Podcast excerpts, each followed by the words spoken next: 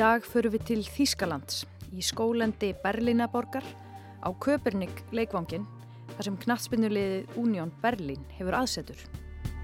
Þú þarft ekki að vera atvinnumæður í fótbolta eða sérfræðingur í íþróttinni til að hrífast á þessari sögu. Þú þarft ekki einu svona að hafa áhuga á fótbolta.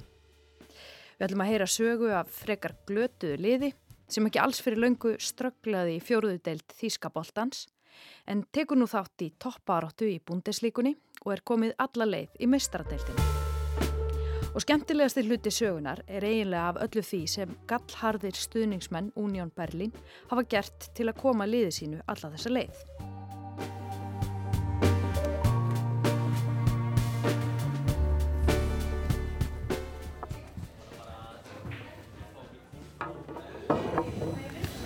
Hvað segir þú? Það var fínt. Það ekki? Jú, jú.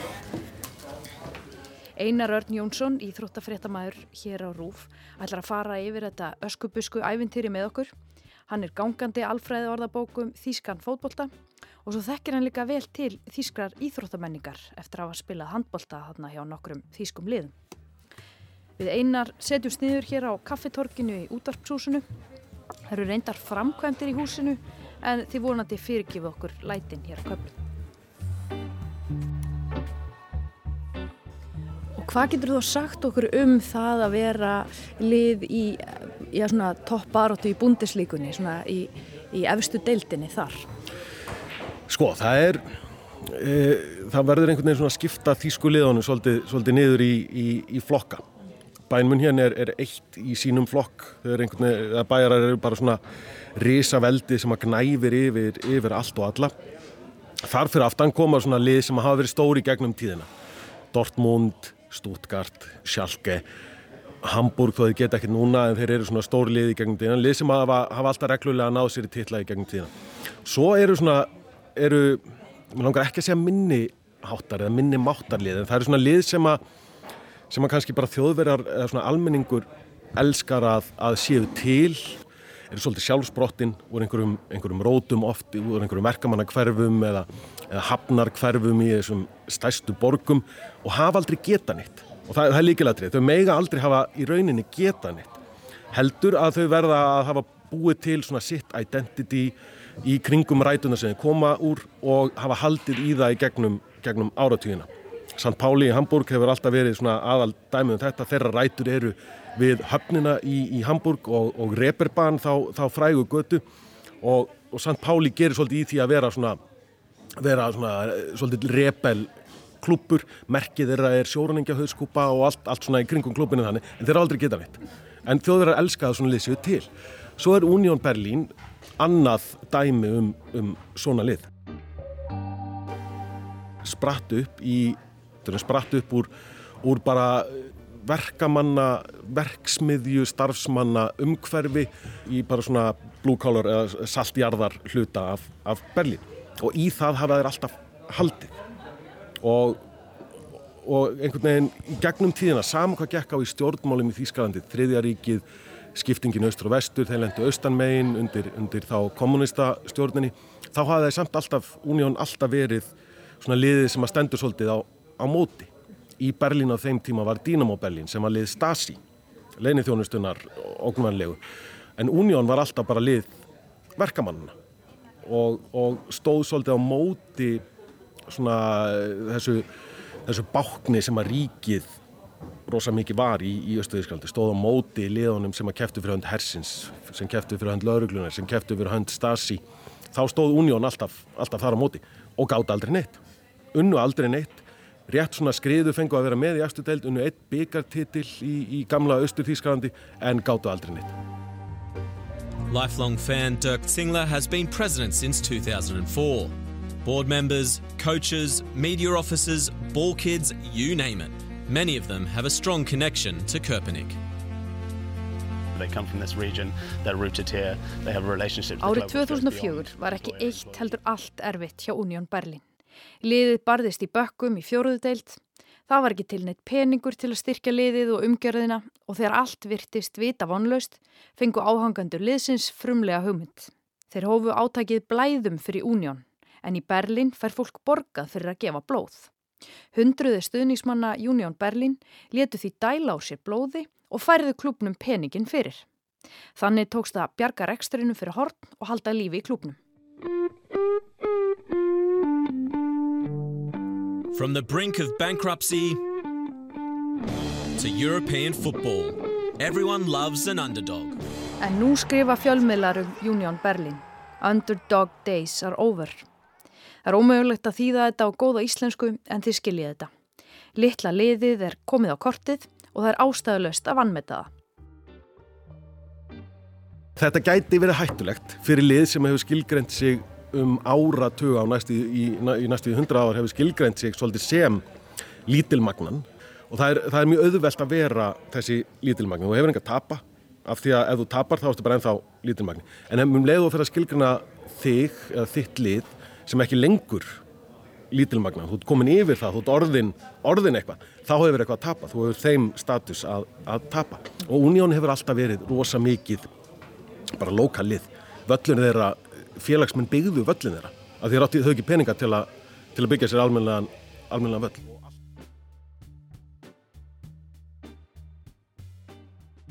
Það var árið 2008.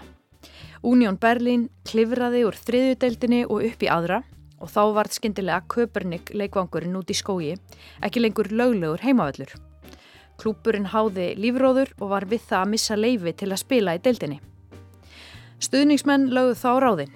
Um 2300 sjálfbóðaliðar tóku sér því saman, mættu á leikvangin og hjálpuðu stað við að steipa nýjar stúkur, reysa girðingar og þakk yfir völlin. Hann tekur nú 22.000 manns í sæti en er samt langminnsti leikvangurinn sem keftir á í búndislíkunni. En frábröðin í leikvangum annara liða í búndislíku eða meistaradeildinni þá er köpurnik alfærið eigu stuðningsmannana. Í þýskum fókbólta er að félög verða að vera í meir hluta eigu félagsfólks. Það eru gerðar undantekningar og undantekningarnar eru semst fyrir það sem að þjóður verða að kalla uh, verkself sem eru í, í rauninni bara félögin verða til í kringum starfsmenn einhver ákveðna vesmiða. Bæi Leverkusen var til sem starfsmenn bæjar Livja Vesmiðunar, Wolfsburg er hefðbundið lið starfsmanna fólksvöginn. Þannig að þau lið fá að vera í eigu, eigu fyrirtækja. En annars gildir 50 pluss 1 reglan sem að þýðir að 50% pluss 1 hlutabref af öllum brefum í, í félaginu verða að vera í eigu, eigu félagsmanna. Og það er mjög, þetta er mjög djúft í fískum fótbolta. Það hefur verið reynd að nekja þessu nokkuru sinnum og það verður bara allt vittlust þegar það á að reyna að breyta þessu. Þjóður að vilja að fótballtafélagin sín og íþróttaheimurinn í Þísklandi sé í höndum fólksins frekar en fyrirtækja eða, eða guð forðu okkur einhverja erlendra oligarka. Það eru því engar ígjur að blóð, sviti og tár stuðnismanna Unión Berlin hafi farið í klubur. Þess vegna held ég líka að þjóðverjar svolítið dástað og, og elska félög eins og Unión Berlin og, og St. Páli og, og fleiri, fleiri slíklið. En 2019 þá komast þér alveg svona upp úr annari deildinni og upp í svona almennilega baráttu er. Má ekki alveg gefa þeim það? Jú, það má algjörlega gefa þeim það. Og sama hvað maður segir um hvar rætunar og sálinn hjá félaginu liggur, þá er þetta augljóslega mjög vel rekin klubur. Berlín er vissulega stærsta borg Þýskalands og það er ekkert allt og mörg fótbóltaliðar og, og þá ætti að vera svona nóg af, af kannski peningum og fólki að, sækja í. En Unión er greinlega mjög vel rekið félag og þeir hafa byggt þetta upp hægt og rólega. Þeir voru í fjörðudeild fyrir 15 árum, svo tókuðu bara góðan tíma í þriðudeildinni, svo tókuðu góðan tíma í, í annari deildinni. Og einhvern veginn þeir eru ekkert að, að, að prjóna yfir sig eða, eða drífa sig um, um mikið. Núna eru þeir komnir í eftir deild og búinir að vera núna, þetta er 5. tímabilið núna, þeir voru með í, í Európa-kætninni fyrir aðeir í meistradeildinni núna, þannig að þetta er svona tröppugangur. En maður verður einlega að segja um liðins og unjána að er á meðan er, af því að það er rosa erfitt að keppa við, við hefðina og söguna sem að mörg önnur lið hafa og þó að, stórlið, einhver meint stórliðin að gæsalappa síðan þess að högta núna þá munir þau alltaf koma tilbaka. Á tímum austu Þískalands var náttúrulega Dínamo Berlín var, var bara raðmeistari. Þeir fengu bestu leikmennu með góðið yllu af því að Stasi var batterið á, á bakvið, bakvið Dínamo. Þannig að Unión var, var litla liði klárlega á tímum austu Þískalands.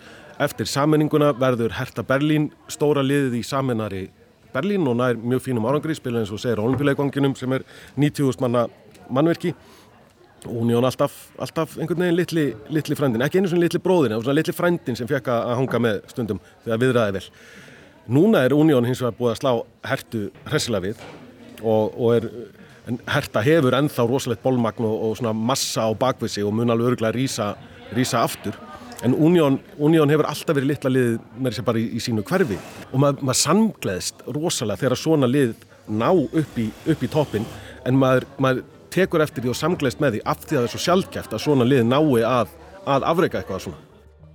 Hvað getur þú sagt okkur um svona, þessar helstu stjórnur sem að spila með Union?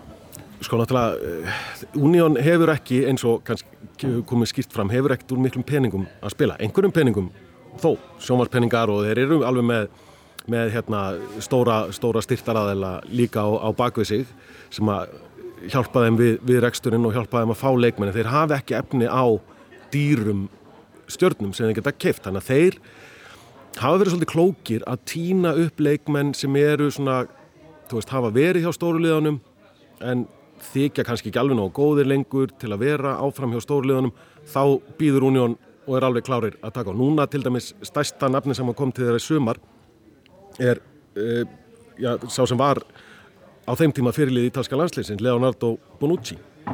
Hann er búin að vera í Juventus, alveg endalust Juventus var með einhver derring og, og vildi losna við hann. Og hann fór frá Juventus til Unión Berlin þannig að þeir eru með núna 140 landsleikja ítalskan landsleismann í sínum röðum. Og, og fleiri, Nevin Subotic sem lengi var hjá, hjá Dortmund, hann er endur ekki hjá Unión lengur.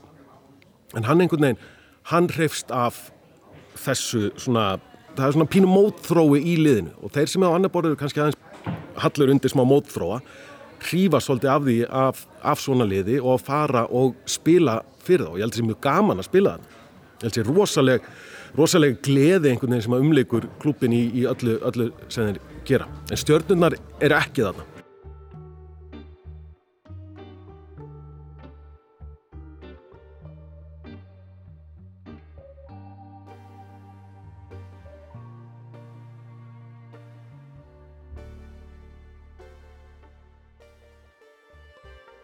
en leikmenn sem er alveg til að, til að berjast og hafa gaman að því í leðinni og skemmta sér og áhörundum og skemmta sér með áhörundum þeir smeltpassa inn í svona lið.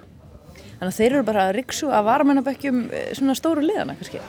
Já, eru bara, þú veist, eru bara svolítið klókir og greinlega, þú veist, ná að selja leikmennum sem að annars hefðu kannski ekki veltið endilega fyrir sér að spila fyrir Union Berlin en ná að selja þeim konseptið, félagið umhverfið, allt í kringum klúpin sem eitthvað svona aðlæðandi. Subotic og, og Bonucci er ekki þarna því að þeir eru að fá svo vel borgað.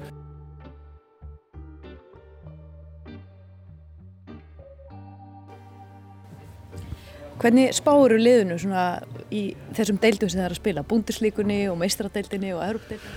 Já, nú er þetta náttúrulega meistradeildin í, í fyrsta skipti tegur svolítið aðteglina og áhugan hjá, hjá liðinu og vonandi er, er samt liðið og, og félaginu og stert til, a, til að koma ekki endilega niður á, á forminu í, í búndislíkunni af því að þar er, er svolítið grunnur, grunnur liðsins í pínur hættur um að gera samt. Það er, þetta er rosa sjarmerandi kalegur að drekka af að vera í, í meistradeildinni og það er hætt við því að það takir svolítið fókusinn frá, frá deildinni. En vonandi halda þið bara áfram á sinni, sinni braut. Ég, ég er mikill stuðningsmæður svona pínu, pínu pöngara liða, mótþróa þróa liða.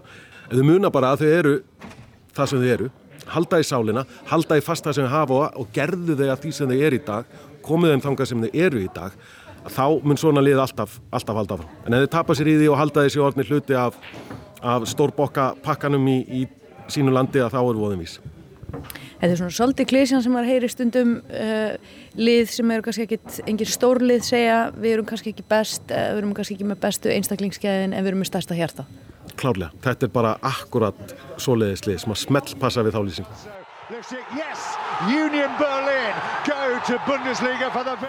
Einur, takk kærlega fyrir þetta. Takk fyrir mig.